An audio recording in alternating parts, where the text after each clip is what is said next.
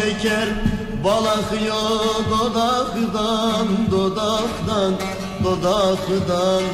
Dünyada yerden tatlı var mola var mola var mola. Sallanı sallanı gelen yar mola yar mola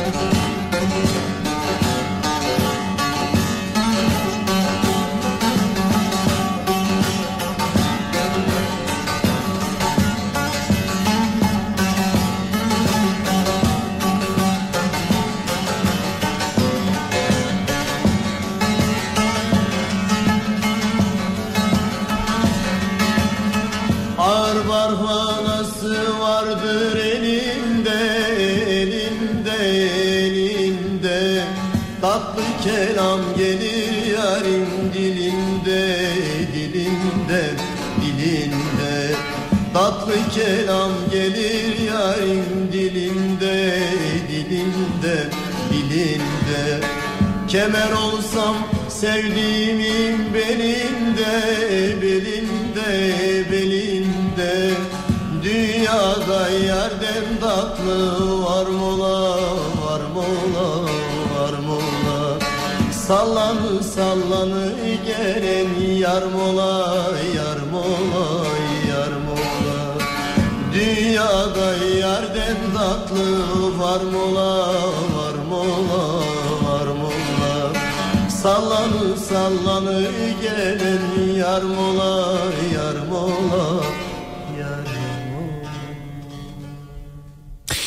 Türkiye'nin en kafa radyosundan, kafa radyodan hepinize günaydın. Yeni günün sabahındayız. Günlerden cuma. Tarih 25 Eylül. Puslu bir İstanbul sabahından, serin bir İstanbul sabahından sesleniyoruz. Türkiye'nin ve dünyanın dört bir yanına. 8 yıl olmuş Neşet Ertaş bu dünyadan göçeli. Nerede bir türkü söyleyen görürsen korkma yanına otur. Çünkü kötü insanların türküleri yoktur demiş Neşet Ertaş.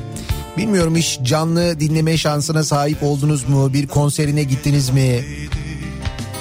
Yoksa sadece kayıtlarından mı dinleme imkanınız oldu? Öyle mi tanıdınız, öyle mi bildiniz? Mesela hiç dinlemediyseniz ya da sadece böyle dinliyorsanız, kayıtlarından dinliyorsanız, çok fazla bilgi sahibi değilseniz Neşet Ertaş'la ilgili e, bugün bir ara internete girip e, Nebil Özgen Türk'ün Bir Yudum İnsan belgeselinin Neşet Ertaş'la ilgili hazırladığı Bir Yudum İnsan belgeselini izlemenizi öneririm. Ne olur bir bölüm dizi eksik izleyin bugün. Bu Bugün ölüm yıl dönümü Neşet Ertaş'ın. Açın bir o bir yudum insanı izleyin. Öyle bilin, öyle dinleyin bundan sonra Neşet Ertaş'ı. Emin olun daha farklı anarsınız. Daha bir başka, daha bir hissederek dinlersiniz. Biz de saygıyla, özlemle, rahmetle anarak başlıyoruz bugün yayınımıza.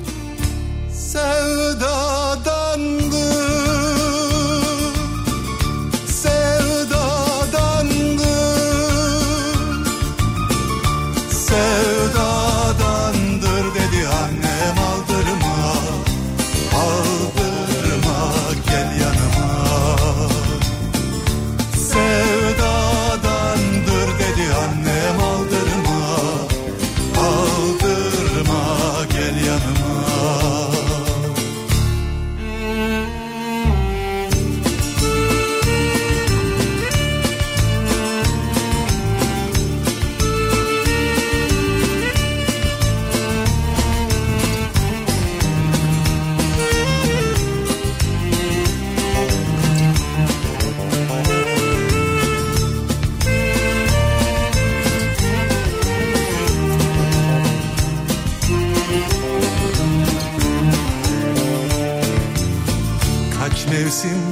pazarında geçti yalanlarla Düz sattım aldanmışlara. Aklım kaçıverdi elimden bir gece vaktiydi. Sevdiğim başka, sevenim başka. Kaç mevsim aşk pazarında geçti yalanlarla. Düz sattım aldanmışlara Aklım kaçıverdi elimden bir gece vaktiydi. Sevdiğim başka, sevenim başka. Yağmur yağsa Uykum kaçsa Bir kuş konsa hadi parmağıma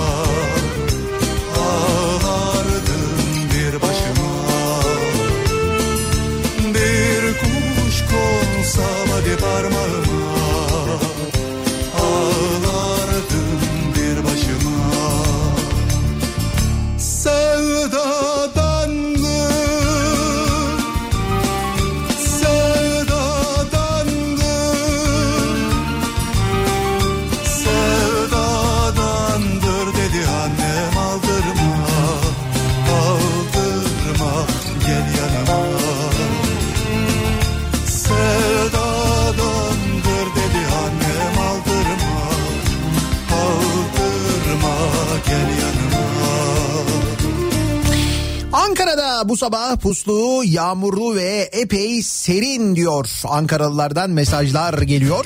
Bakıyorum Ankara'nın gökyüzüne İstanbul'la hemen hemen aynı şu anda. Yalnız meteoroloji diyor ki bu hafta sonu sıcaklıklar epey bir yükseliyor. Kaldı ki dün biz İstanbul'da bayağı yaz yeniden geri geldi herhalde diye düşündük. 30 dereceleri gördük. Hafta sonu 30 dereceleri geçme durumu da söz konusu.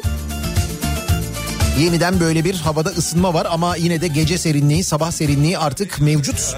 Bu İstanbul'da bile böyle mevcut olduğuna göre Ankara akşamları ve sabahları epey serin olur herhalde. Tam böyle bir sonbahar durumuna geçmiş vaziyetteyiz. Beni biraz. Yalnız uzun zamandan beri Ankara'da yağmur yağmadı. O nedenle bu sabah trafikte aman dikkat. Böyle biliyorum uzun aralardan sonra yağmurlar yağınca insanlar bir anda trafikte yağmurlu havada araç kullanmayı unuttuklarını fark ediyorlar. Ne yapıyorduk? Hızlı mı gidiyorduk? Yavaş mı gidiyorduk? Frene mi basıyorduk falan diye böyle. O yüzden genelde böyle ilk yağmurlarda çok kaza olur. Aman dikkat. Beni biraz oyalar.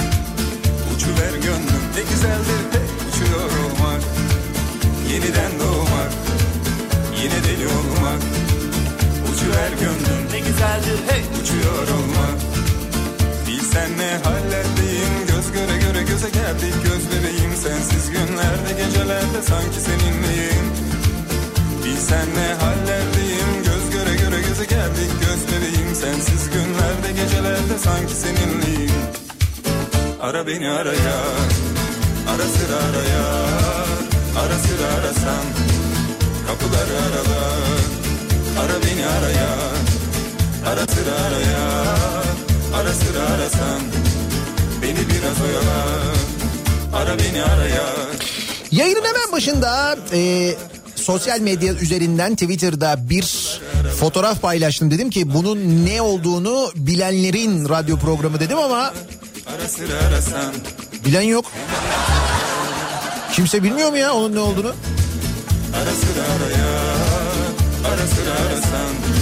Şöyle tarif edebilirim.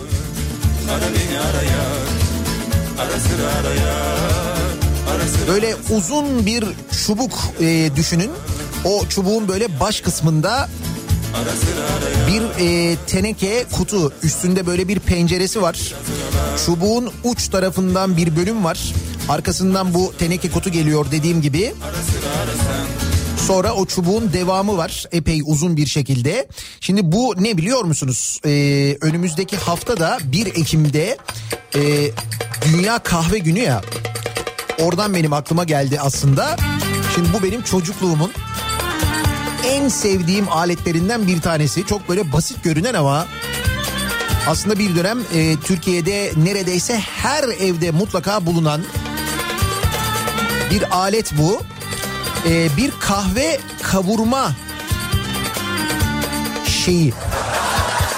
Ha, ne, ne diyeyim bilmiyorum. Kahve kavurma kabı diyeceğim ama. Şimdi bunun içine bu küçük pencerenin içinden e, çekil ya şey böyle e, yeşil çiğ kahve e, çekirdekleri konuluyor. O zaman kahve böyle her yerde kavrulmuş satılmıyor. Ekseriyette kavrulmadan satılıyor. Kahveyi çiğ alıyor insanlar. Zaten kahve yetişmiyor. O, o zaman da kahve böyle yurt dışından geliyor. Kahveyi bunun içine koyuyorlar sonra mangalın üzerine oturtuyorlar. Şimdi mangalın bir ucuna o dediğim uçtaki bölüm oturuyor. Ondan sonra tereke ateşin üzerine denk geliyor. Diğer taraftan da böyle çubukla oturunca e, bir o yana bir bu yana çevriliyor. En ucu da zaten böyle kıvırık öyle çevrilsin diye yapılmış. Dolayısıyla kahve bunun içinde kavruluyor. Ondan sonra e, kavrulduktan sonra değirmende alınıyor çekiliyor. Dolayısıyla o kahve kavrulurken çıkan bir kahve kokusu var. İşte benim çocukluğumun burnumdan gitmeyen kokusudur. Benim rahmetli anneannemin böyle bir alışkanlığı vardı. Kahveyi mutlaka o şekilde e, içerdi. Mangal yakılırdı. Mangalın üzerinde böyle geniş kocaman üstü açık bir mangaldan bahsediyorum. Böyle et pişirmek maksatlı kullanılan mangallar değil. Isınmak için kullanılan mangallar. O mangalın üzerine kahve böyle kavrulur. Kahveyi o kavurduktan sonra bu ateşli bir şey olduğu için ona benim dokunmam yasak. Kahveyi kavurduktan sonra değirmenin içine koyar bana verirdi. Çekmesi benim de ama. Ben de onu severdim böyle. Sonra o kahveyle bir kahve yapardı.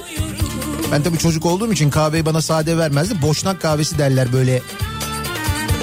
Süt bir yanda kaynar bir yanda kahve kaynar. İki tane kocaman cezvedir ama bunlar.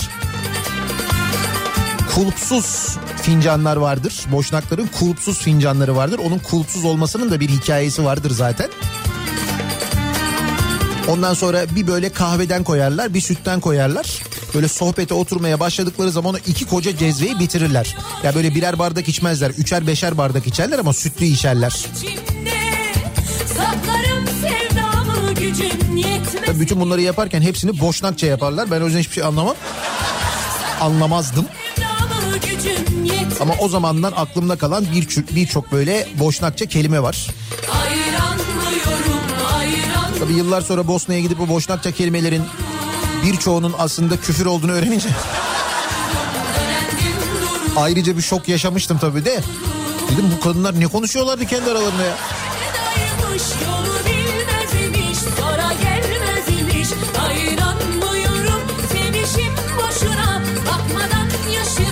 Kahve kavurmacı. Öyle mi deniyordu bak böyle bir ismi mi vardı?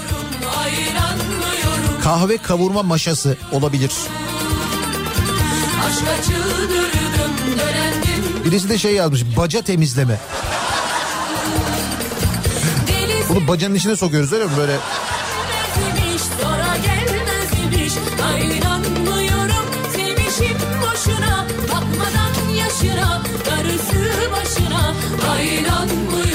Şimdi gerçi evet doğru biraz soba borusuna da benziyor ama inanın soba ile alakası yok onun.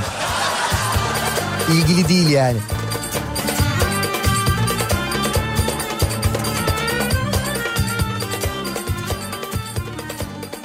Mısır patlatmak için evet aslında mısır patlatmak için de kullanılabilirmiş. Da biz onun için hiç kullanmıyorduk. O olabilir yani.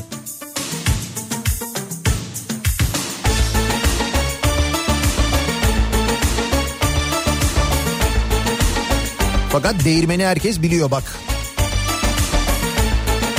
Kakosi diye yazmış birisi. Dobra canım. O kadarını biliyorum ya.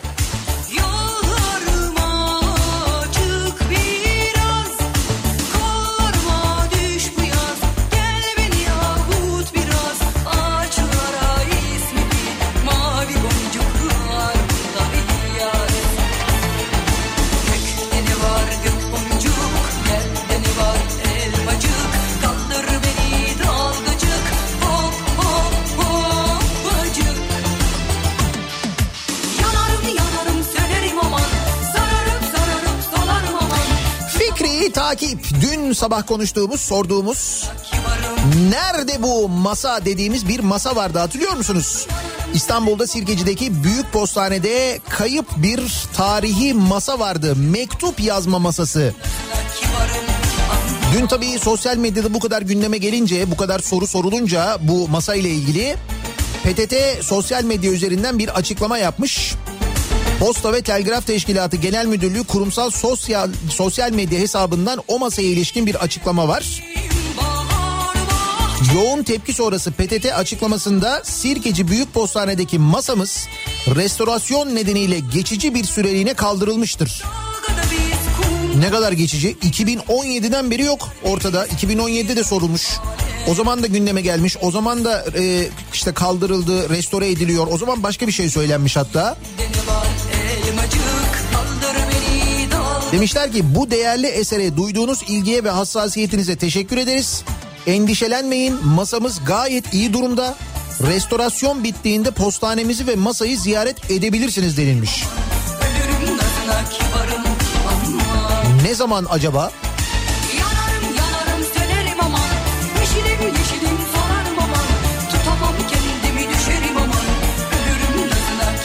Tarihi masa şu anda restorasyon gören binadaki PTT Müzesi'nde mi muhafaza ediliyor diye bir soru sorulmuş. Konuya ilişkin açıklama internet üzerinden verilmiştir. Biz masanın nerede olduğunu biliyoruz. Durumu gayet iyi. Size de selamları var. Öyle bir yanıt gibi. Müzede tıpkı o masa gibi birçok tarihi eşya yer alıyor. Onlara da herhangi bir şey olmadı.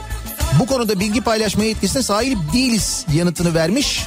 PTT Değerli Kağıtlar Müdürlüğü. Ama diyorum ya işte 2017 yılında da gündeme gelmiş. O zaman da sorulmuş. O zaman da PTT şöyle bir açıklama yapmış 3 yıl önce. Kültürel ve tarihi değer taşıyan mobilyalarımızın zedelenmemesi adına hazırlanan replikalar en yakın zamanda kullanımınıza sunulacaktır. Demişler mesela o zaman da. O zaman bir replika mevzu geçmiş şimdi replika geçmiyor. Şimdi masa iyi durumda merak etmeyin. Gözlerinizden öpüyor falan diyorlar ama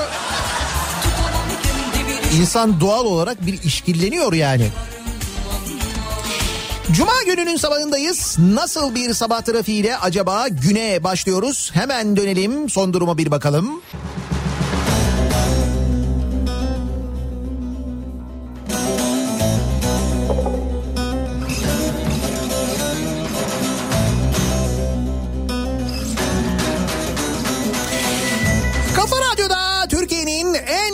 Radyosunda devam ediyor. Cuma gününün sabahında Daiki'nin sonunda Nihat'la muhabbet. Ben Nihat Sırdar'la.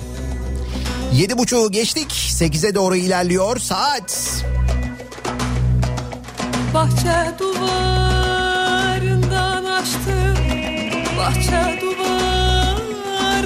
açtım Sarmaşık güllere dolaştım Sarmaşık güllere dolaştım Öptüm sevdim halelleştim Avokado hırsızlarıyla başlayalım. Halelleştim Avokado hırsızları. yanıyorum yanıyorum Oğlum nasıl bir ülke olduk biz ya. Avokado e, yetiştiriyoruz. Bahçesine hırsızlar bile dalıyor. Bahçe duvarını aşıp. Bak çalayım Mersin'in Erdemli ilçesindeki meyve bahçesine giren iki kişi yaklaşık 7 bin lira değerindeki 350 kilogram avokadoyu çalmaya çalıştıkları sırada suçüstü yakalandı. 7 bin lira değerindeki mi? Sayın avokado. Ayıp yani şimdi bu kadar pahalı bir meyveye de öyle alenen böyle avokado falan diye demek çok doğru değil sanki. Bir bakışta yaktın beni. Bir bakışta yaktın beni. Derdine bıraktın beni. Derdine bıraktın beni. Yaktın beni, yaktın beni. Yaktın beni, yaktın beni Yanıyorum, yanıyorum, yanıyorum felek Mail oldum Gonca güle. Acem şalı ince bile Acem şalı ince bile Yürü Berli yürü.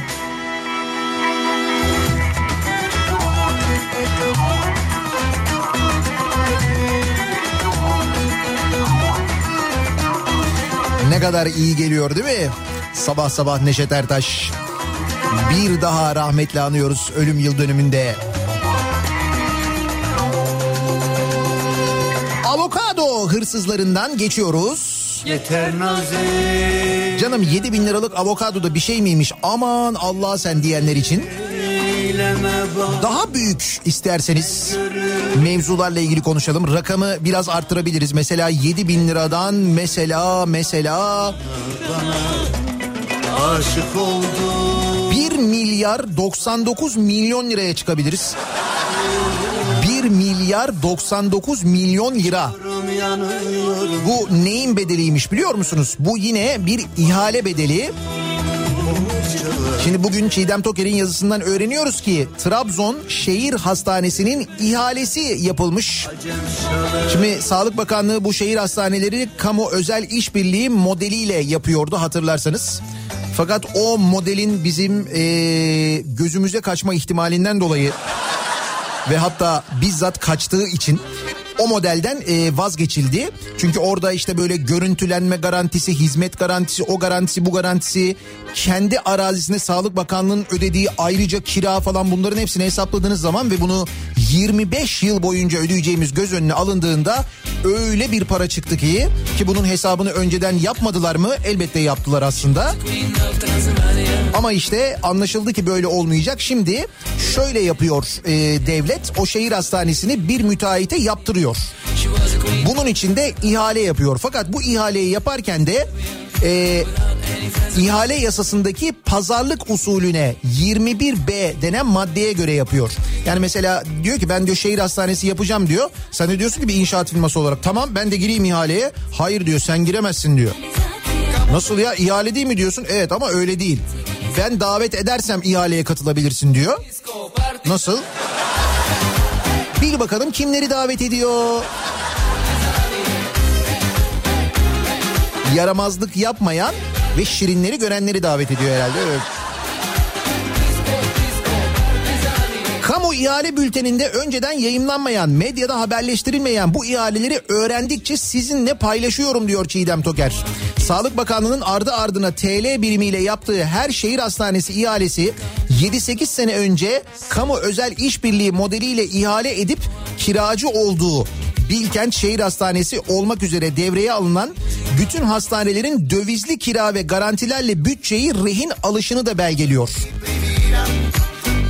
Şimdi 22 Eylül günü yapılmış 900 yataklı Trabzon Şehir Hastanesi'nin ihalesi 9 firma ve firma ortaklığı davet edilmiş. Yaklaşık maliyet 1 milyar 371 milyon lira çıkmış. Ve en uygun teklif Kalyon İnşaat tarafından verilmiş 1 milyar 99 milyon 900 bin lirayla. İyi yabancıya gitmemiş. Şaşırdık mı? Muhtemelen ihaleyi aldıktan sonra bu şarkıyı dinlemişlerdir. he.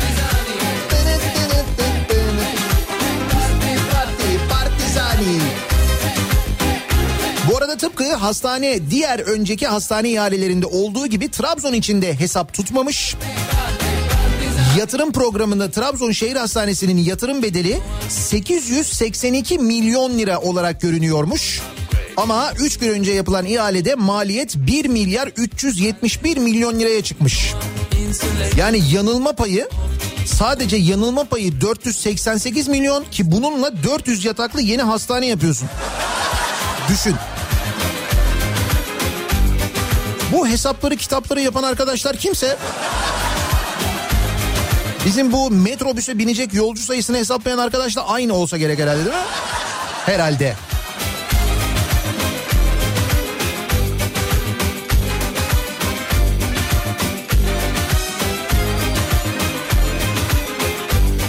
Zannediyorum rakamlar e, tatmin etti bizi. Böyle 1 milyarlar 800-900 milyonlar falan iyi değil mi?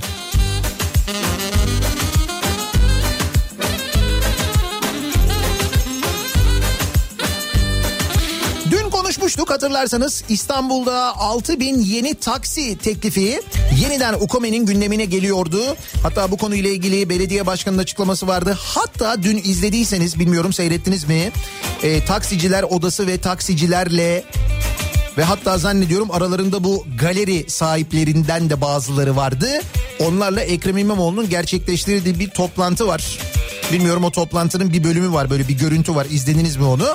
Neyse netice itibariyle bu 6 bin yeni tek, taksi teklifi UKOME'den geçmemiş sevgili dinleyiciler yine. Ulaşım Koordinasyon Merkezi'ndeki oylamanın ardından alt komisyona havale edilmiş. Toplantıda Toplu Ulaşım Hizmetleri Müdürlüğü'nün İstanbul'da taksi sayısının kiralık yöntemle 6 bin arttırılmasına yönündeki teklifi görüşülmüş. İstanbul Büyükşehir Belediyesi'nin İTÜ'de görevli 3 akademisyene hazırlattığı raporda İstanbul'da 40 bin taksiye ihtiyaç olduğu savunulmuş. İstanbul Taksiciler Esnaf Odası Başkan Vekili Veli Yurt da korsan taksiciliğin son bulmasını istemiş. Şimdi bakın demek ki İstanbul'da yeteri kadar taksi yok ki başka bir taksi sistemine yani ihtiyaç duyuyor insanlar. İşte bu şimdi korsan taksi oluyor. Daha önce Uber'di mesela. Şimdi belli ki öyle bir sistem olduğunda o sisteme yöneliyor insanlar. Demek ki böyle bir ihtiyaç var. Şimdi ihtiyaç hem İstanbul nüfusunun fazlalığından hem de zaman zaman taksi hizmetinin e, işte yarattığı yanlışlardan ya da ortaya çıkardığı yanlışlardan kaynaklanıyor ya da kalitesiz hizmetten kaynaklanıyor. Hepsi için demiyorum ama oluyor böyle şeyler biliyoruz. Hatta işte bakın İstanbul Taksiciler Esnaf Odası Başkan Vekili bile diyor ki korsan taksicilik son bulsun diyor. Bu nasıl son bulur? İstanbul'da yeteri kadar taksi olursa ihtiyaç kadar taksi olursa o zaman korsan taksi son bulur. Belediye de bunu söylüyor diyor ki 6 bin tane yeni plaka olacak ama diyor biz bu plakaları satmayacağız diyor. Çünkü bu plakaları birileri satın alırsa bu sefer kim satın aldı olacak? O satın alanlar yine o plakaları kendileri kullanmayacaklar. Götürecekler birilerine verecekler. O birileri galericiler olacak. O galericiler e, gidecekler birilerine kiralayacaklar. O kiralayanlar götürecekler birilerini yövmiye usulüyle çalıştıracaklar. Bak kaçıncı el oluyor farkında mısınız?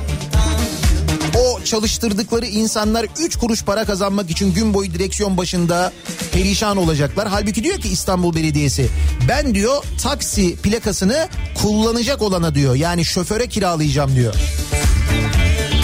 Bu daha doğru değil mi bu sistem? İşte bu plaka sahibi abilere göre değil. Diyor ki bize verin diyor o plakaları diyor. Belediye diyor ki hayır diyor ben bunları kiralayacağım diyor. Peki sonuç ne oluyor? Sonuç UKOME'de Bu karar yine kabul edilmiyor. Yine engel olunuyor. Tıpkı İstanbul Büyükşehir Belediyesi'nin birçok şeyine engel olunduğu gibi seçimler sonrasında biz bu duruma artık hani alıştık diyelim ama bu alışma iyi bir şey değil. Bilmemiz gerekiyor ne tür engellerin çıkartıldığını. Bakın mesela sadece İstanbul Büyükşehir Belediye Meclisi'ndeki e, işte AKP grubu ve MHP grubu ki çoğunluğa sahipler onlar sayesinde değil. Ayrıca bu arada e, belediye seçimleri, belediye başkanlığı seçimleri tekrarlandığında eğer belediye meclisi seçimleri de tekrarlanaydı o zaman böyle çoğunluğa da sahip olmayacaklardı biliyorsunuz. Ama onu yapmadılar. Dediler ki sadece bunda usulsüzlük var dediler. Biz de yedik o zaman bunu. Yani bunda bir şey oldu bunda bir şey olmadı dediler. Sadece belediye meclisinde değil mesela e, bakanlıklar tarafında da İstanbul Büyükşehir Belediyesi'ne türlü engeller çıkartılmaya devam ediyor. Şimdi de Çalışma Bakanlığı 11 ay beklettiği kararı hak işten yana kullanmış. Türk İş'e bağlı Belediye İş Başkanı Nihat Yurdakul bunun adı emek hırsızlığıdır demiş. Bakanlık 11 ay bekletmiş ve Hak İş Sendikası'nı seçmiş. Sendikaya da onlar karar veriyor. Sen de istediğin sendikaya gidemiyorsun. Bir de böyle bir şey var. Nasıl?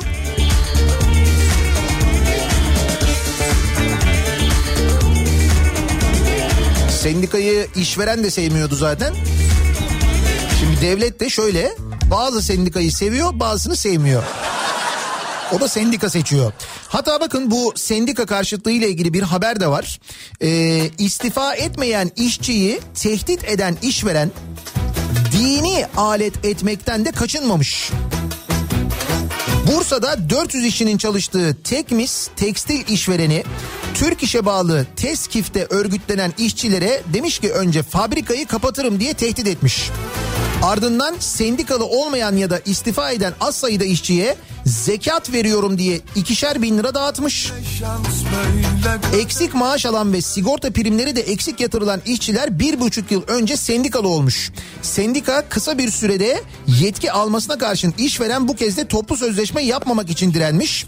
Sonunda sözleşme Yüksek Hakem Kurulunca e, bağıtlanmış sendikalı işçileri ücretsiz izni çıkaran işveren emekçileri daha uzun süreler çalışmaya da zorlamış. Arada da zekat veriyorum diyormuş. Zekat veriyormuş. Emek karşılığı değil yani. Herkese urba giydirdi Bana da yırtık bir yelek Ah felek zalim felek Kime ceket kime yelek Herkese urba giydirdin Bana da yırtık bir yelek Evet gündemde Sağlık var tabii ki pandemi var bulaşıcı hastalık var bunu konuşuyoruz. Tedavi bekliyoruz ki o konuya geleceğiz ama birinci gündem maddesi Türkiye'nin hala ekonomi olmaya ekonomi daha çok konuşulmaya devam ediyor. Bakkal, kasap, manav, berber, kahveci tüm esnaf neredeyse kan ağlıyor vaziyette. Neden? Çünkü verilen o krediler bakın e, devletin verdiği destek değil devletin verdiği krediler işte onların ödeme zamanı geldi ama işler düzeldi mi? Hayır işler düzelmedi. Pandemi zaten zor durumda olan 2 milyona yakın esnafı komaya sokmuş. Kira ve giderlerin altında ezilen esnaf tenceremiz kaynamıyor.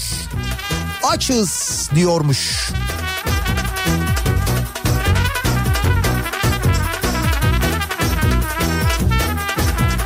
Kahveciler 7 aydır perişan durumda ee, demiş Ankara Kahveciler Odası Başkanı İsa Güven isyan etmiş.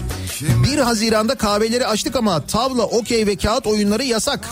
Peki biz nasıl para kazanacağız? Esnaf 7 aydır perişan eve ekmek parası götüremiyor demiş. Ee, İzmir'de de yine kahveciler eylem yapmışlar. Kime ceket kime yelek Herkese kavun yedirdin Bana da kelek Ah felek zalim felek Kime ceket kime yelek Sorsan ekonomi şahlanıyor. Birinci olduk oluyoruz. Fakat işte böyle konuşunca olmuyor. Hani deniyordu ki faiz lobisi faiz lobisi falan inşallah daha inecek falan derken ne oldu? Merkez Bankası dün sürpriz bir kararla faizi 2 puan arttırdı. 8.25'ten 10.25'e yükselttiği TL'nin değer kaybı bunun üzerine faiz yükselince hafifledi. Dövizde bir miktar gerileme oldu. İşte e, dolar mesela 7.55'e geriledi. Euro 8.80 civarına falan geldi ki şu anda yine 8.90 olmuş. Yani ekonomiyle ilgili pek bir iyileşme yok. Hatta bakınız bu ekonominin kötü durumu bizi şu noktaya getirdi. Tam da bu dönemde aslında sağlıkla ilgili e, bu kadar endişe duyduğumuz dönemde bütün dünyanın e, bir yandan e, aşı anlaşmaları yaptığı böyle aşı üretecek olan şirketlerle aşı çalışmalarında çok ileride olan şirketlerle daha bu çalışmalar o faza üçüncü faza gelmeden anlaşmalar yaptı. Dünyanın birçok devleti. Peki biz ne yaptık? Yani biz bir yerle bir anlaşma yaptık mı? Sipariş verdik mi? Kaç sipariş verdik? Kaç doz sipariş verdik? Bununla ilgili hiçbir bilgi yok. Ama sonra öğreniyoruz ki bunu da kimden öğreniyoruz? Amerika'nın Ankara Büyükelçisinden öğreniyoruz. David Satterfield'dan öğreniyoruz. 2.3 milyar dolarlık ilaç borcumuz olduğunu yabancı şirketlere ve bunu ödemediğimizi öğreniyoruz. Ve Amerikan Büyükelçisi bu uyarıda bulununca Ankara'da pazarlığa başlanıyor.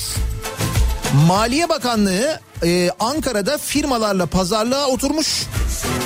Tıbbi cihaz borçlarında yüzde 60 feragat istemişlerdi ki bunu konuşmuştuk hatırlarsanız. Şimdi de ilaçta yüzde 20 feragat istiyorlar. Maliye Bakanlığı'nı Pazarlık Bakanlığı'na çevirdiler. Ülkenin itibarını yerle bir ediyorlar demiş. CHP Ankara Milletvekili Murat Emir söylemiş bunu. Bu yüzde 60 feragat meselesini daha önce konuşmuştuk. E, tıbbi cihaz, tıbbi malzeme satan şirketlerde çalışan dinleyicilerimiz söylemişlerdi. 16 aydır ödeme alamıyoruz devletten diye. Bu nedenle artık devlete, hastanelere malzeme vermiyoruz, veremiyoruz demişlerdi. Ve yüzde 60 feragat istemişti devlet onlardan bu alacaklarından düşünün.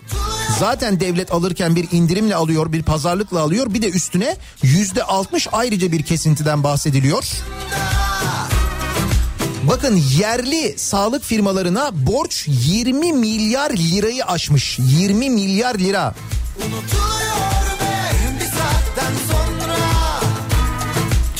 Türkiye'deki yerli tıbbi cihaz üreticileri 16 aydır alacaklarını tahsil edemiyor. Tüm Tıbbi Cihaz Üreticileri Derneği Başkanı Mustafa Daşçı demiş ki sağlık hizmetlerinin sunumunda aksaklık olmaması için bugüne kadar yıllık 8 aylık 9 aylık ödemelerle devam edebiliyorduk. Ancak şu anda 16 aydır herhangi bir ödeme yapılmaması sebebiyle tıkandık demiş.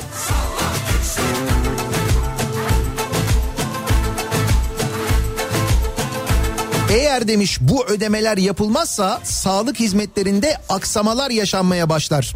Eldeki stoklar tükendiğinde bir süre sonra ameliyatlar yapılamaz hale gelecektir. Bizden indirim yapmamızı, feragat etmemizi istiyorlar. Bakanlık tıbbi cihaz sektörüne ölümü gösterip sıtmaya razı etmek istiyor. 2017'de yine bir feragat istenmişti. O dönem benim firmam %15 karla Kırıkkale Üniversitesi'nin ihalesini almıştı. %27 feragatla tahsilat yaptım. %12 zarar ettim demiş. Yani sağlık işi de böyle yürüyor. Şimdi düşünün ki siz e, yabancı bir firmasınız. İşte Türkiye'ye mesela bakanlığa ilaç satıyorsunuz, tıbbi malzeme satıyorsunuz. Yerli de olsanız durum böyle bir şey değişmiyor. Ve bunu yaptığınızda paranızı alamıyorsunuz. 16 ay boyunca alamıyorsunuz.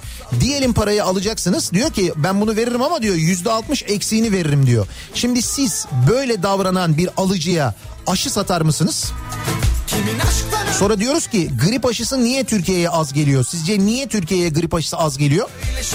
Mesela geçen sene de öyleydi, ondan önceki sene de öyleydi, bu sene de öyle olacak. E şimdi pandemiyle ilgili, korona ile ilgili aşı problemi olacak. O zaman ne olacak? Nasılmış sağlık sistemi bizim? Çok güzelmiş değil mi?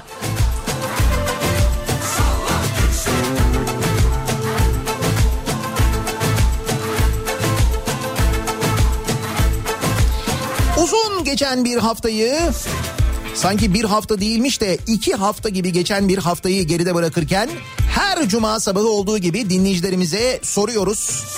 Kimi, neyi, neden protesto ediyorsunuz diye Cuma sabahı protesto sabahı kimseye hakaret etmeden, kimseye küfretmeden protesto ediyoruz, edebiliyoruz. Bekliyoruz mesajlarınızı Twitter üzerinden yazıp gönderebilirsiniz. Protesto ediyorum konu başlığımız Twitter'da. Bu başlıkla yazabilirsiniz mesajlarınızı. niyatetniyatsırdar.com elektronik posta adresimiz. Bir de WhatsApp hattımız var 0532 172 52 32 0532 172 kafa. Buradan da yazabilirsiniz mesajlarınızı. Reklamlardan sonra yeniden buradayız. Kafa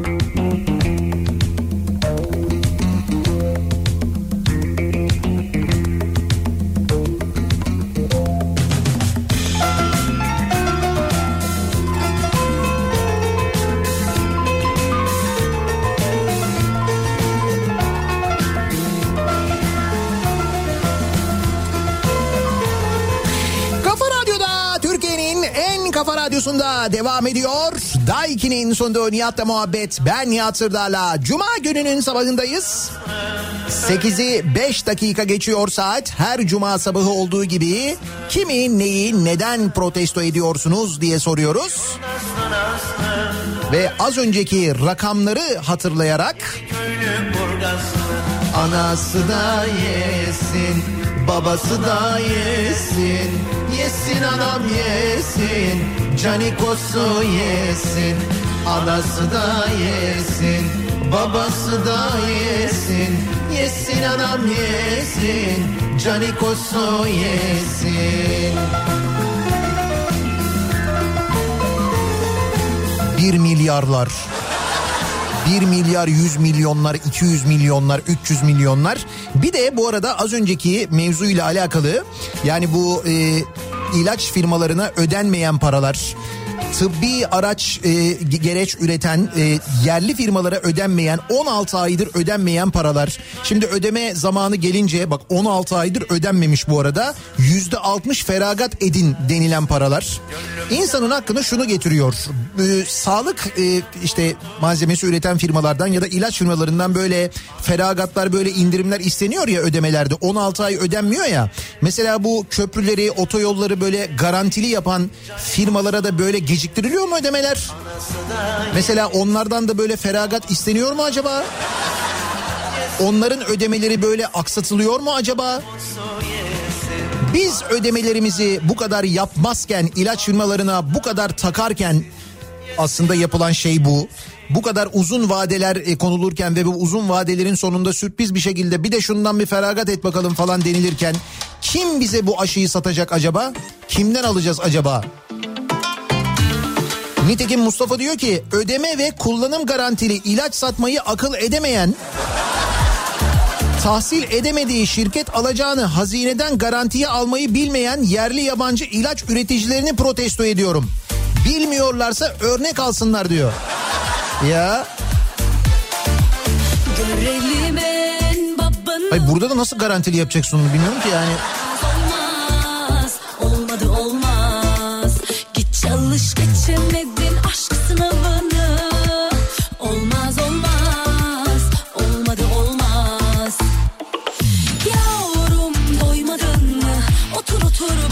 Ediyorum diyor Trabzon'dan bir dinleyicimiz. Sadece Trabzon merkezde bir üniversite hastanesi, bir araştırma eğitim hastanesi, iki devlet hastanesi, üç özel hastane bulunmasına ve Trabzon'un daha acil yatırımlara ihtiyacı varken stat için yapılan yeni dolgu alana yani yanlış bir konuma bu kadar yüksek bir tutara şehir hastanesi yapılmasını protesto ediyorum diyor Trabzon'dan bir dinleyicimiz. Dolgu alana mı yapılıyor bu arada hastane? Yani az önce konuştuğumuz 1 milyar 99 milyon liralık yapılan ihale şehir hastanesi dolgu alana mı yapılıyor Trabzon'da? Ne güzelmiş.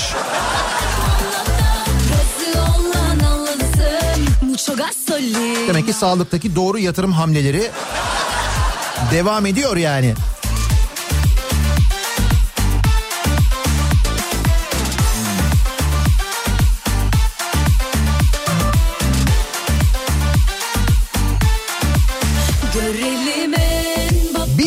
Taksici olarak yeni taksi sistemini engelleyenleri protesto ediyorum diyor. Bir taksici dinleyicimiz göndermiş. Taksi şoförüyüm 4 yıldır çalışıyorum. Oto Center'dan kiraladım. Hala plaka sahibini görmedim tanımıyorum. Dün sözleşmeyi yeniledim. Kira 9750 lira 10 bin lira da hava parası verdim. Kira 9750 lira bir de 10 bin lira hava parası mı?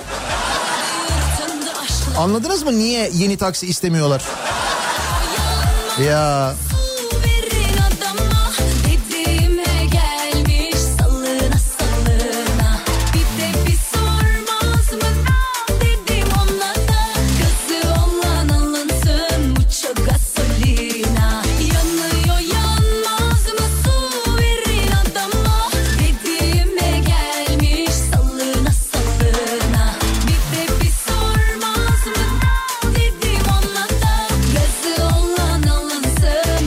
mucho gasolina Kayserili mantığıyla pazarlık yapıp utanmadan bir de ödemelerde yüzde altmış feragat isteyen devletin çalışanların gelir vergilerinden şu dönemde bile feragat etmemesini protesto ediyorum.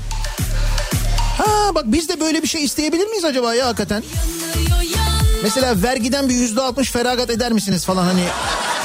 Öyle ya bu dönem zorlanıyoruz. Bu dönem biraz sıkıntılı bir dönem. Hani belki öyle bir şey olabilir mi acaba?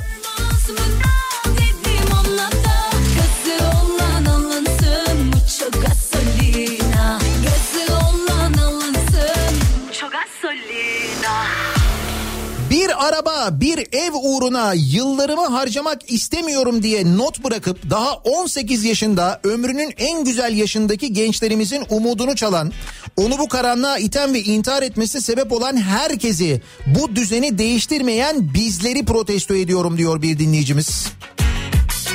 İşte geldiğimiz nokta bu. 18 yaşında gençler gelecekten umutlarını kestikleri için intihar ediyorlar. Geçinemeyen esnaflar kendilerini yakıyorlar. Valiliklerin önünde, belediyelerin önünde böyle şeyler e, yaşanıyor bu memlekette. Sakın üstüme Bunların ne kadarını görüyoruz, ne kadarını biliyoruz? İşte medyanın yüzde doksanı da tabii iktidarın elinde olunca birçok insan bilmiyor, öğrenemiyor böyle şeyleri.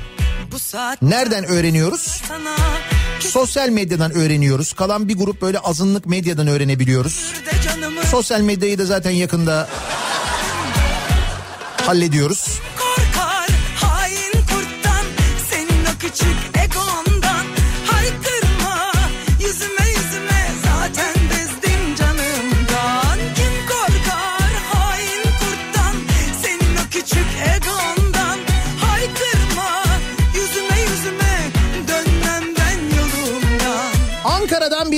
Öğretmen dinleyicimiz göndermiş. Bugün yine fikri olup bilgisi olmayan herkesi protesto ediyorum. EBA çöktüğünde 8 aydır yatıyor öğretmenler neden EBA hala çöküyor diyen veliyi... Ha EBA'nın çöküşünü öğretmenlere mi bağlıyorlar? Konuya böyle bakan veli de var demek ki yani. İşte bak eğitimin önemli olduğunu o veliden de anlıyoruz. Mühim bir şey yani. Her şey üstüme üstüme geliyor. Hiç halim yok. Türkiye'nin internet altyapısının çok kötü olduğunu söylediğim zaman bana kızıyorlardı. Çok fenayız, çok beteriz diye anlatıyorduk ama Sırf sen öyle istiyorsun diye susacak değilim. Kim korkar hain kurttan? Senin o küçük egondan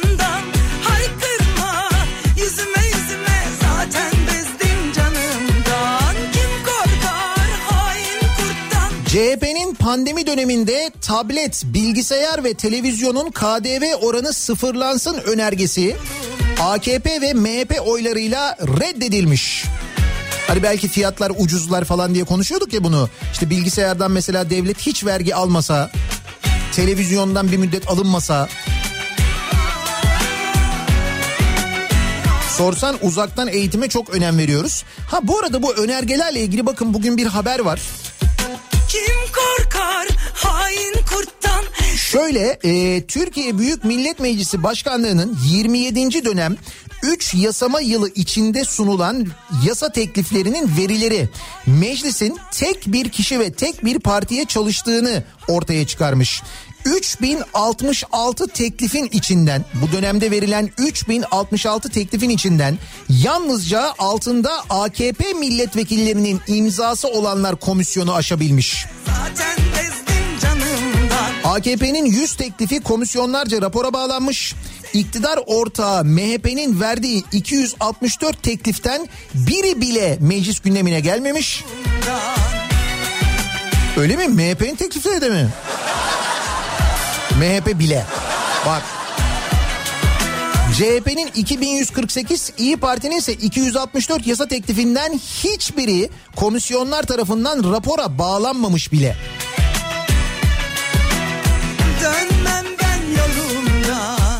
Nasıl meclis? Yani nasıl çalışıyor? Güzel çalışıyormuş değil mi? Ee, bakalım alkışlı kamu spotları yayınlamaktan başka bir şey yapmayanları protesto ediyorum diyor Kemal. Sağlık çalışanı sedyenin yanlış yerine yattığı konusunda uyardığı hasta ve yakınları tarafından darp edildi. En son gelen darp haberi bu sağlık çalışanlarına buyurun. Ve hala bu konuyla ilgili Sağlık Bakanı'nın romantik mesajlarından öte ve kamu spotlarından başka bir şey yok.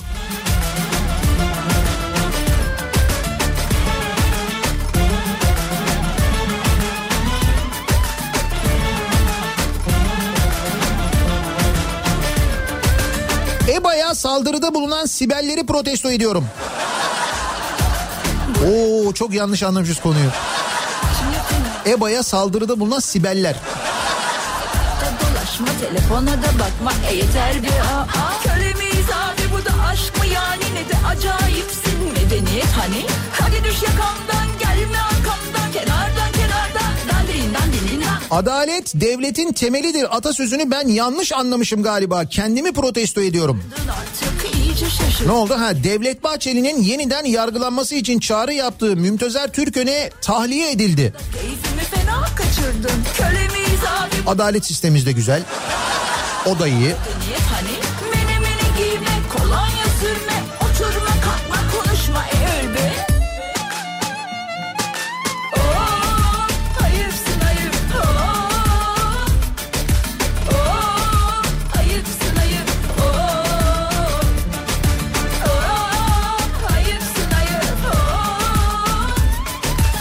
Amerika Temsilciler Meclisi Başkanı Pelosi'yi protesto ediyorum.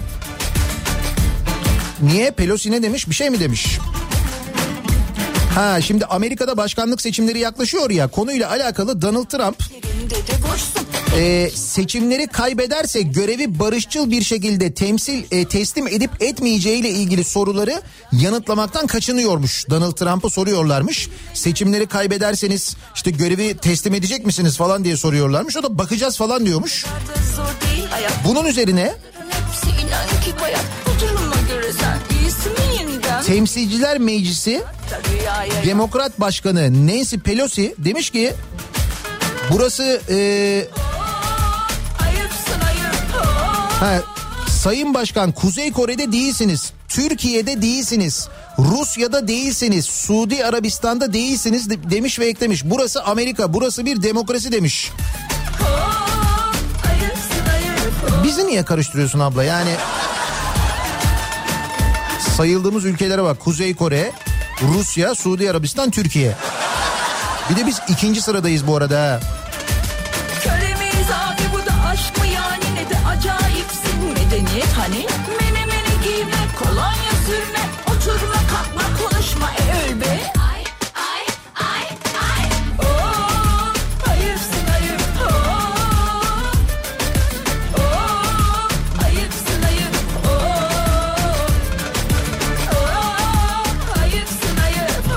EBA'ya kaç öğrenci bağlanacağını hesaplayamayan Milli Eğitim Bakanlığı'nı protesto ediyorum diyor. Seyfi göndermiş. Ama biz bu kadar ilgi beklemiyorduk gerçekten. Yani ilgi hakikaten göz yaşartıcı gerçekten.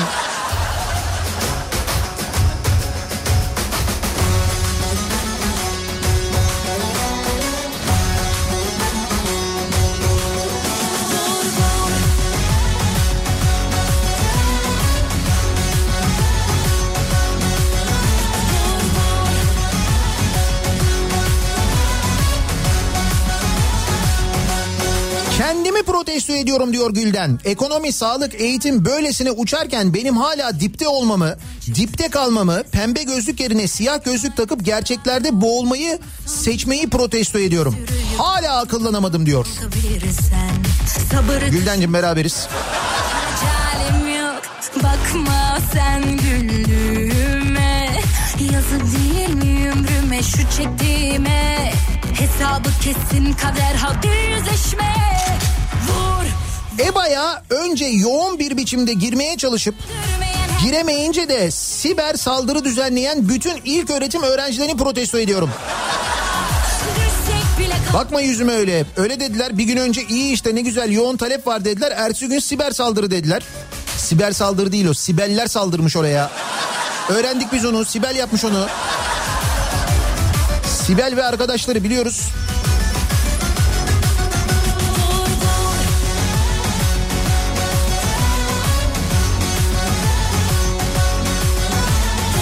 Protestosuna göre muameleye karşıyım ve buna prote- bunu protesto ediyorum diyor bir dinleyicimiz.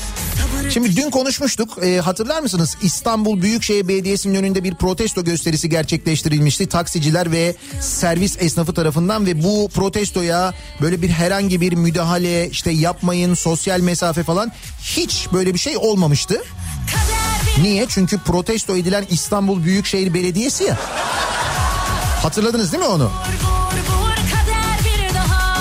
Şimdi bakın 2 Haziran'da devlet demir yolları çalışanları sürgün ve baskılara karşı sosyal mesafeyi de gözeterek hepsinde maske var hepsi sosyal mesafeli duruyorlar görüntüler de var yani.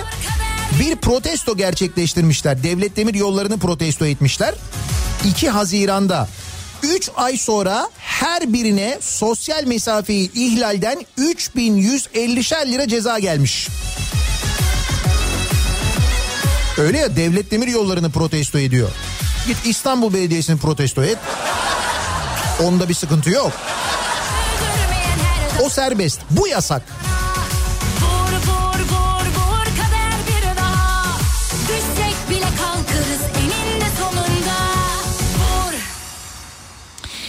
Ee, bakalım. Yavuz Bingöl'ü protesto ediyorum diyen var. Yandaş olmak iyidir deyip bizi engin yandaş olma bilgi ve birikiminden mahrum bırakarak konuyu üstün körü atlatıp geçiştirdiği için bizi bilgilendirmediği için alacağı olsun onun diyor Emrah. Kim bilir belki onun eğitimini de veriyordur. Bir devlet kurumunda. Bir ara bir devlet kurumuna e, saz ihalesini almıştı. Saz satmıştı galiba değil mi? Milli Eğitim Bakanlığı mıydı? Aradım yıllardır seni her yerde bir türlü karşıma Nihat Bey sizin öneri, öneriniz üzerine Borgen izlemeye başladım. İzlemeye başladığımdan beri her şeyi protesto ediyorum. Şey farklı bir boyut gibi değil mi? Paralel dünya gibi. İnanamıyorsun böyle bir ülke mi olur diyorsun. Maalesef orası gerçek. Yani oradaki dizidekiler gerçek yani. Yani öyleymiş daha doğrusu orası Danimarka.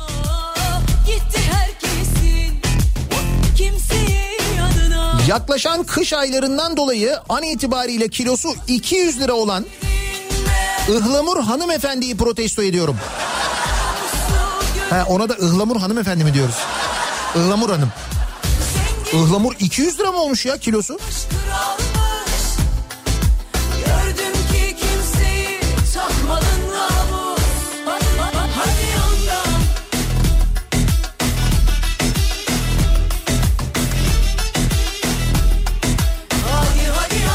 Neredeyse her konu için gelen 10 lira gönder mesajlarını protesto ediyorum diyor. Engin göndermiş.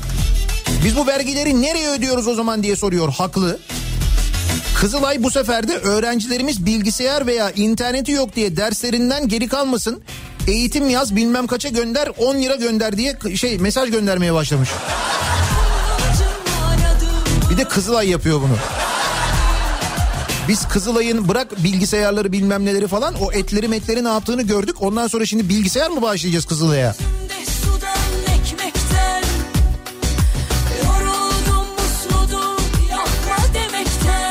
Valla çok istiyorsanız yapmanız gereken çok basit. Etrafınıza bakın, arkadaşlarınızla kendi aranızda para toplayın. Alabildiğiniz kadar bilgisayar alın.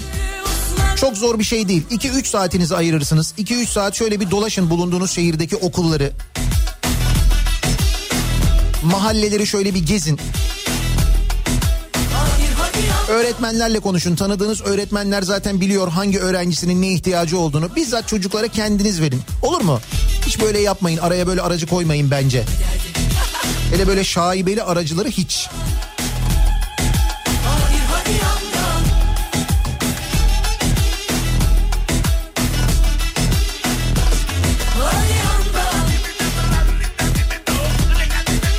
Her gün pozitif vaka çıkan kurumumda ve kurumun kreşinde Cumhurbaşkanlığı kararnamesi ve valilik yazılarına rağmen ısrarla esnek çalışmaya geçmeyen MTA'yı protesto ediyorum diyor bir dinleyicimiz. Öyle mi? MTA'da da vakalar var ama esnek çalışmaya geçilmiyor mu?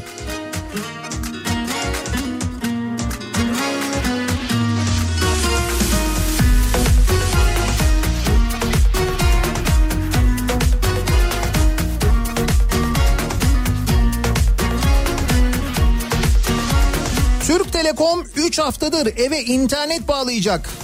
Biz mağduruz çocuklar canlı derse giremiyor. Bu durumu protesto ediyorum. Ya çok şikayet var Türk Telekom'la ilgili.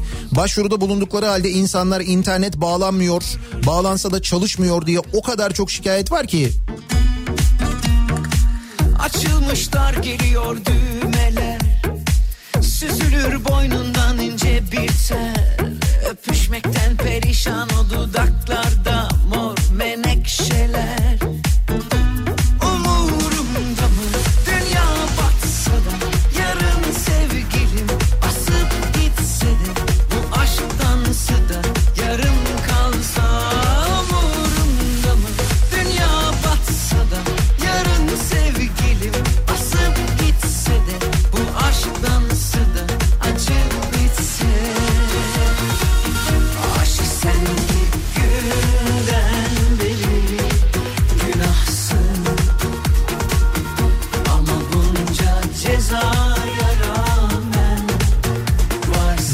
Gençlerimizin hayallerini öldüren sistemlerin tamamını protesto ediyorum.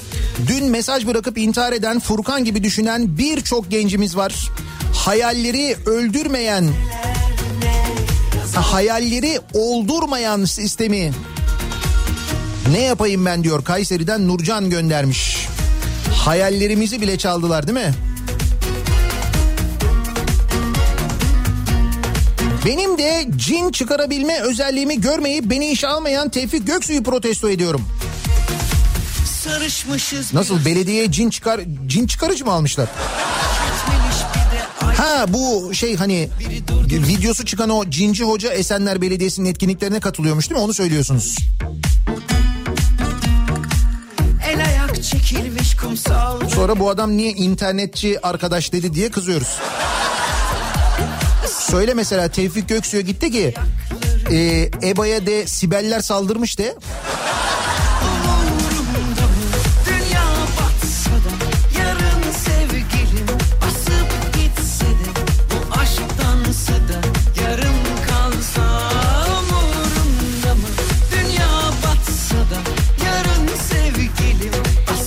Ekipman sıkıntımız yok diyen Sağlık Bakanı'nı protesto ediyorum.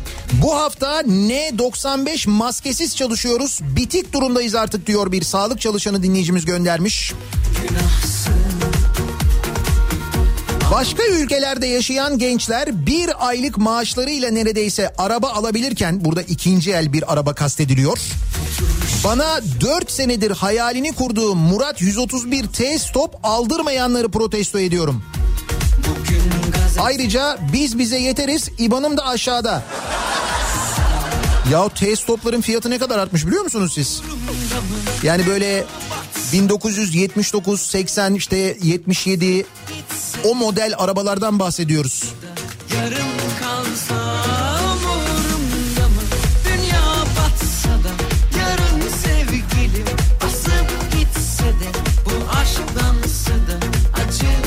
Az önce bahsettiğimiz bu protesto meselesiyle ilgili bir e, önerisi var bir dinleyicimizin. Şimdi İstanbul Büyükşehir Belediyesi'ni protesto ettiğin zaman kimse dokunmuyor ya. Ama mesela devlet demir yollarını protesto ediyorsun ya müdahale oluyor ya ceza yazılıyor. Diyor ki bence diyor herkes protestosunu İstanbul Büyükşehir Belediyesi'nin önünde yapsın.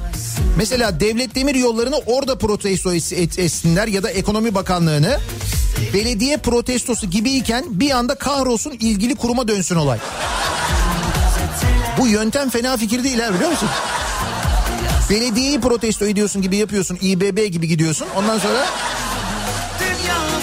ama işte bak 3 ay sonra ceza göndermişler.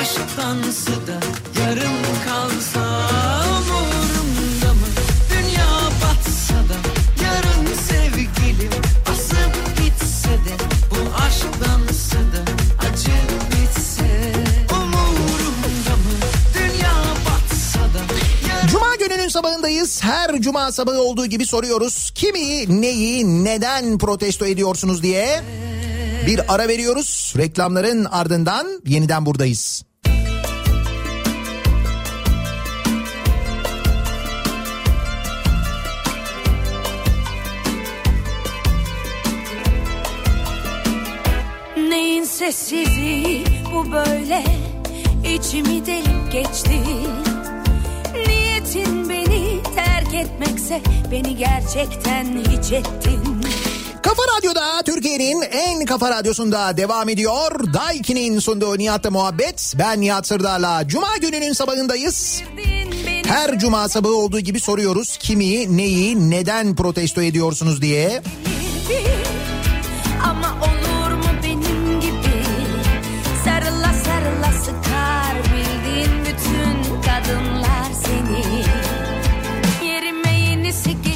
Hayatı protesto ediyorum hayatı. Böyle hayat mı olur diyen var mesela. Toptan protesto eden var. Ben artık protesto ediyorum demekten yoruldum diyen var. Ee, Covid-19 ek ödeme katsayıları açıklanmış Sağlık Bakanlığı tarafından. Profesöre yüzde 16, imama yüzde 100. Bazı e, Sağlık Bakanlığı'nın ve sağlık kuruluşlarının bazı bölümlerinde böyle rakam rakam e, oranlar belirlenmiş. O oranlar gerçekten enteresan. Bugün epey konuşulur benim tahminim. Niyetin beni terk etmekse beni gerçekten hiç ettin Kime benzedim durma söyle Hangi hallerim eski aşklarından Nasıl beni söyle Ne çıkardın telaşlarımdan Yerime yenisi gelirdi Ama olur mu benim gibi Sarıla sarıla sıkar bildiğin bütün kadınlar seni Yerime yenisi Mecidiyeköy'de Profilo Alışveriş Merkezi'nin yanında ayakkabı boyacılığı yapıyor Nuri. sarıla Şu anda radyonun sesini sonuna kadar açtım. Önümden geçen herkes seni dinliyor. Yapılan haksızlıkları haykır, duyur senden başka kimse söylemiyor demiş Nuri. Şimdi Nuri bunu yaptı diye yanından geçen birisi sen vatan haini misin demiş Nuri'ye. O vatan hainini dinleme demiş. Ben de vatan haini oldum bu arada bak. Burada hala mahalle baskısı var. Ben de bu durumu protesto ediyorum diyor.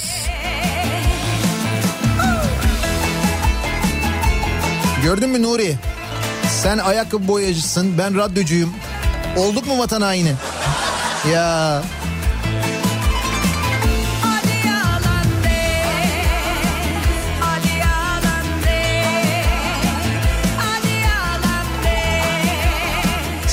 sıkıntıya girip zar zor aldığımız bilgisayara altyapı yok diye internet bağlamayan Türk Telekom'u protesto ediyorum.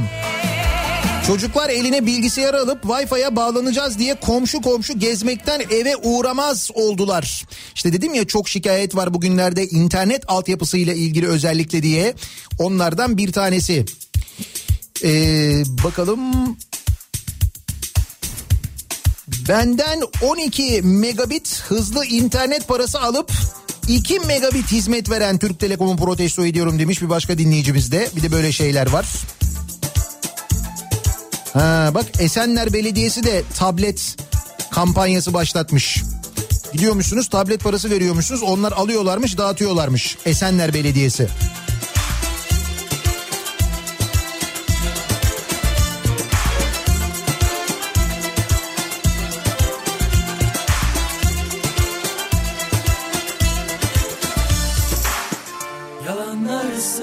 Necdet Sezginer göndermiş. Evet işte e, bu fotoğraftaki protesto için biz ceza yedik diyor. Devlet Demir Yolları çalışanıymış kendisi.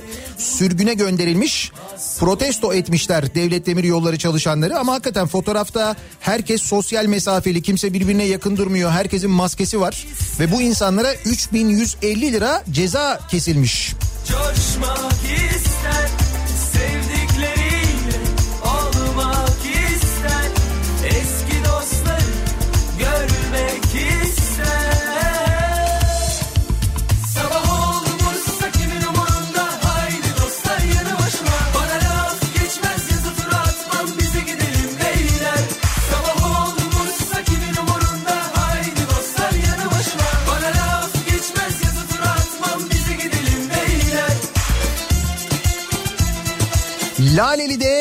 tramvayla otobüs çarpışmış.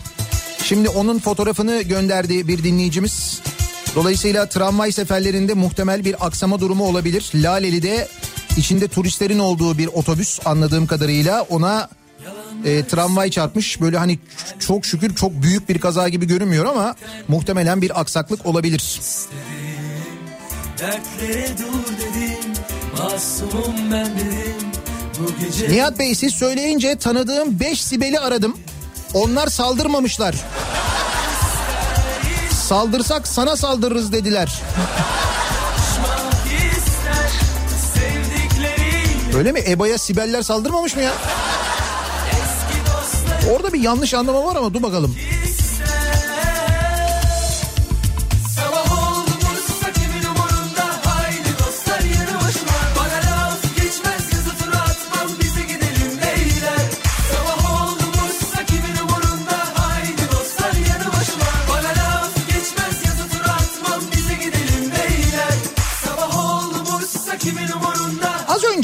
Otomobilden bahsettik ya. Geçmez yazı tura atmam Bize gidelim Hani dedik böyle 78, 79, 80 model Murat 131 T stopları bile almak neredeyse mümkün değil artık. Öyle fiyatları yükselmiş vaziyette. Otomobil alım satımı ile ilgili de tabii çok sorun yaşanıyor Türkiye'de. Yani fiyatların böyle göreceli olması, kimilerinin aşırı şişmesi falan bir tarafa ama bir tarafa insanlar araba satarken de otomobillerini satarken de ister istemez bir sıkıntı ve böyle bir tedirginlik yaşıyorlar.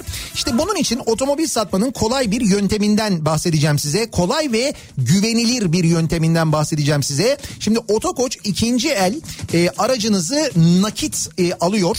Otokoç ikinci ele aracınızı e, götürüyorsunuz ve nakit e, ödeme yapıyorlar size. Şimdi şöyle yapıyorsunuz. Otokoç ikinci el.com'a giriyorsunuz. E, aracınızın web sitesi üzerinden bir e, değerlendirmesini yapıyorsunuz. Bu işlemi yaptıktan sonra şubelerden ekspertiz randevusu alıyorsunuz ki 22 noktada Otokoç'un şubesi var Türkiye geleninde. Bir ekspertiz randevusu alıyorsunuz. Ekspertizi, e, ekspertizi de ücretsiz yapıyorlar ve size bir nihai teklif veriyorlar. Sonra aracınızı satmak isterseniz müşteriye gün içinde yani o gün içinde parası e, ödeniyor. Hemen hesabınıza yatılıyor. O gün içinde yatırabiliyorsunuz. Şimdi burada tabii e, önemli olan ne? Bir kere e, zamanı olmayanlar bu araba satışı ile ilgili çok uğraşmak istemeyenler işte böyle ilan vereyim onu yapayım bunu yapayım falanla uğraşmak istemiyorsanız e, yine operasyonel süreçlerle uğraşmak istemiyorsanız hızlı nakde dönmek istiyorsanız ve bu süreci güven ortamında ilerletmek istiyorsanız çünkü siz hızlı satmak istediğinizde o iş biraz daha tehlikeli olabiliyor. Daha önce böyle bir araç satma deneyimi yaşamadıysanız, süreçleri bilmiyorsanız ya da bir kötü deneyim yaşadıysanız işte o zaman otokoç ikinci el.com'a girerek bütün bu işlemleri güvenilir bir şekilde yapabilir ve dediğim gibi çok hızlı bir şekilde aracınızı satabilirsiniz. Dediğim gibi siteye giriyorsunuz. Önce kendi aracınızın bir online değer, değerlemesini yapıyorsunuz. Onu görüyorsunuz. Eğer o aklınıza yatarsa ekspertiz randevusu alıyorsunuz. Ücretsiz ekspertiz yaptırıyorsunuz en sağlam yöntem bence.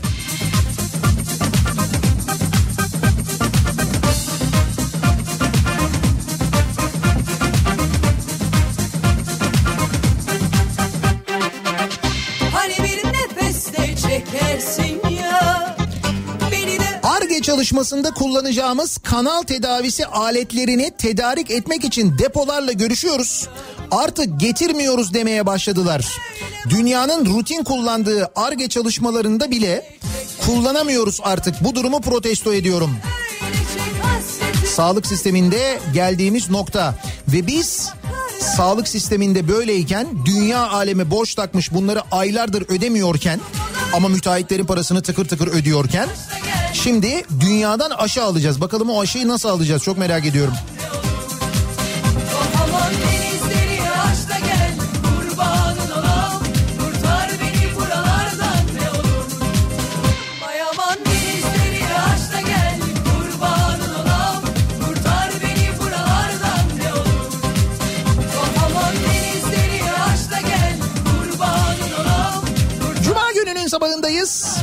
Protesto sabahındayız. Bir ara verelim. Reklamların ardından yeniden buradayız.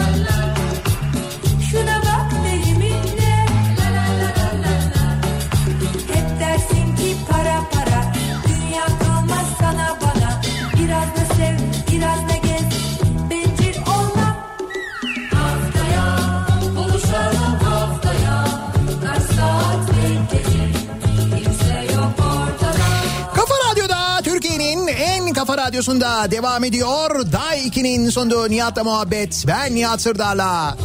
Cuma gününün sabahındayız. Yayınımızın son bölümündeyiz. Mikrofonu Kripto Odası'na Güçlü Mete'ye devrediyoruz. Birazdan Türkiye'nin gündemini, dünyanın gündemini, son gelişmeleri sizlere aktaracak.